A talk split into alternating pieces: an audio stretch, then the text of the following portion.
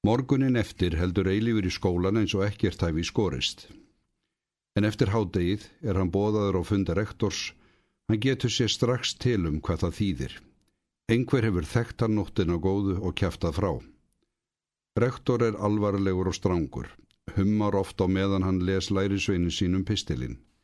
Vittnar í reglugjær skólans sem mæli svo fyrir að nefndum sé óheimilt að blanda sér í pólitíska flokkadrætti svo uppskátt verði. Hlutverk þessa gamla virðulega skóla er að búa ónt fólk undir það mikilvæga hlutverk að takast á hendur ábyrðastörfi þjóðfélaginu þegar aldur þess og þroski leifir, störf sem krefjast góðrar mentunar og þjóðhóllustu.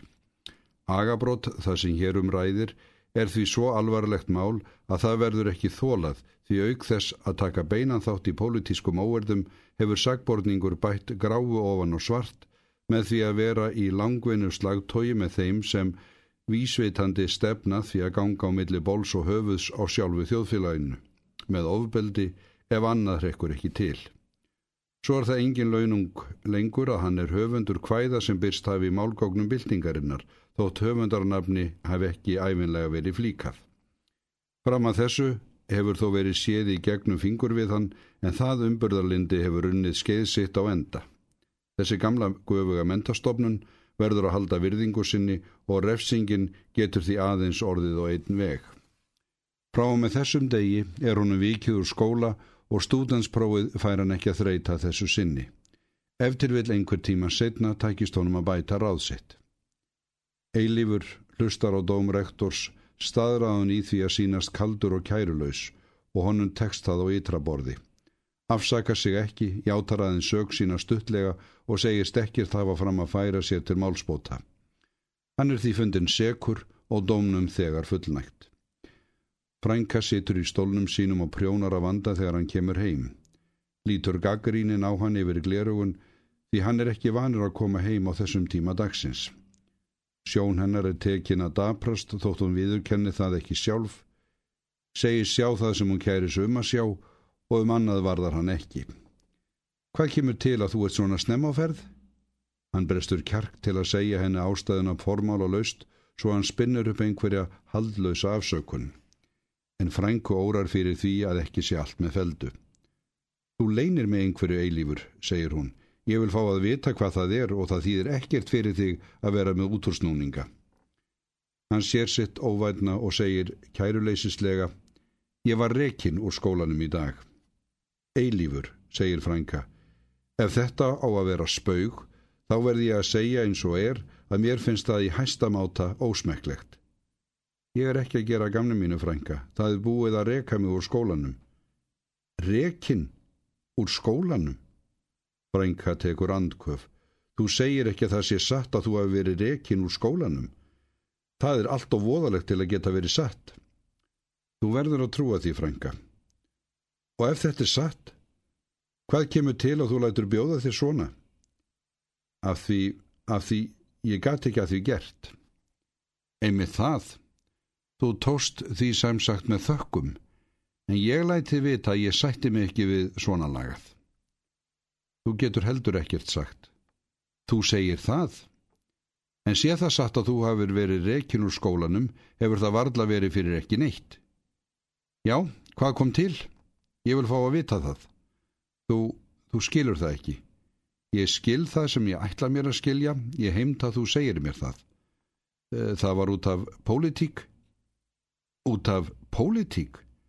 Nei, nú á ég engin orð. Þetta er ekkert alvarlegt frænka. Það er bara því ég þekki stráka sem er í pólitíkinni. Það hefur einhver komist að því og kæfta frá. Það lítur út fyrir að það hefur verið nógu alvarlegt til að reka þig úr skólanum. Þetta var mest upp á grín hjá okkur.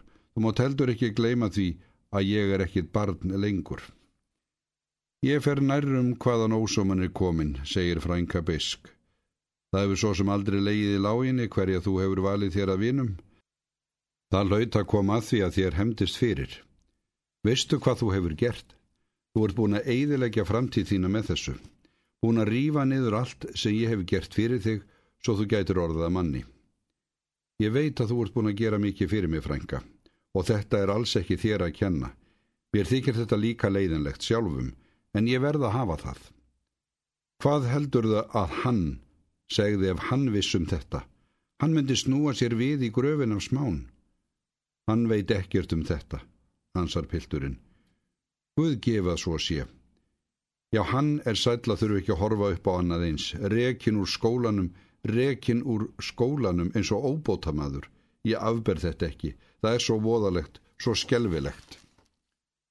Rödd frængu hefur ískrað eins og þaninn er yðbrunnin strengur. Svo brestur þessi falski tótt skindilega og leysist upp í amrandi grát. Í fyrsta skipti á æfinni, eftir hún komst til vits og ára, grætur hún núna alvöru gráti og svo taumlaust táraflóð streymi niður vanga hennar að það er ekki hægt að hugsa sér hvernig það hefur fram að þessu rúmastundir skorpnu yfirborði andlitsins. Prjónana missir hún í gólfið, rær friðlaus fram í gráðið eins og til að lena óbærilega kvöl. Af hverju gerðuru mér þetta? Hygstar hún upp og það er ekki meir en svo að rödd hennar skiljist. Hvað hef ég brotið af mér til að fá þetta framann í mig? En svo Guð er yfir mér hef ég æfilega reynd að gera það sem þér er fyrir bestu. Taumlaus grátur hennar kemur piltinum í opna skjöldu. Þvert ofan í þá ákverðun að vera kaldur og kærulaus stendur hann með kökk í hálsi og býður eftir því að hún róist svo að hún verði viðmælandi. Taktu þetta ekki svona nærri þér, frænka, tekst honum að stinja upp þegar táraflaumur hennar er tekin að rína. Þetta er ekki eins voðalegt og þú heldur. Ég get haldið áfram að læra þó ég fá ekki að taka stúdensprófið í vor, en ég verð bara að komast eitthvert burtu í bráðuna, helst til útlanda. Þar er hægt að læra miklu meira en ég heima. Já, það er það eina sem vitir í. Frænka svarar ekki. Vit og vittleisa kom út á eitt þessa stundina. Hún situr nýpinn og yfirbuguð og ber ekki af sér. Pilturinn neytir færis og teflir fram hverri rauksemdinni á fætur annari málstað sínum til stuðnings. Undir niðri veit hann sig hafa borið hærri hlut og þeim sigri verður að fylgja eftir. Sentum síðir réttir frænkasu upp í sætinu og andvarpar eins og hún sé að vakna af laungu öngviti. Hún grætur ekki lengur og rött hennar er aftur sjálfur sér lík. Ekki eitt orð meira um þetta í dag, segir hún þurrlega. Stendur svo upp, gengur inn í söpnirbyrgi sitt og lokar á eftir sér. Þar heldur hún sig það sem eftir er dagsins.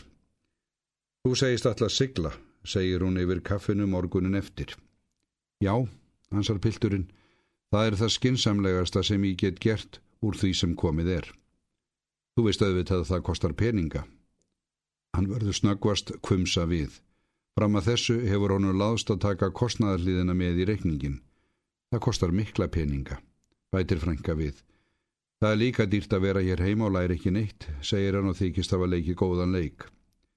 Það er dýrt að verða að manni, ansar frænka, en samt er það dýrara að fara í hundana.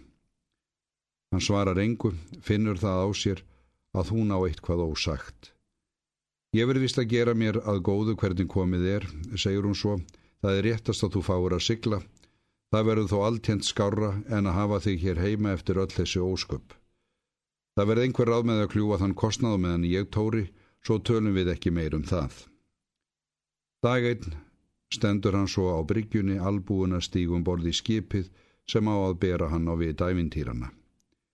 Frænka hefur kvart hann heima þurrum augum og hann er því fegin að það er afstæðið. Halli fylgir honum til skips en hann er ekki í essinu sínu þessa stundina. Útlöndin eru langt í burtu og að sjá eftir besta vinin sínum þangað getur þýtt það að hitta hann aldrei framar. Þeir lofa hvora öðrum að skrifast á oft og ítarlega og kannski er gefið undir fótinn með fleira eins og vant er á skilnaða stund. Svo takast þeir í hendur að skilnaði. Eilifur gengur um borð og undir þiljur án þess að líta um auksl. Það sem liggur að baki skiptir ekki lengur máli. Nú er að hefjast nýr kabli lífsögunar sem á hug hans allan.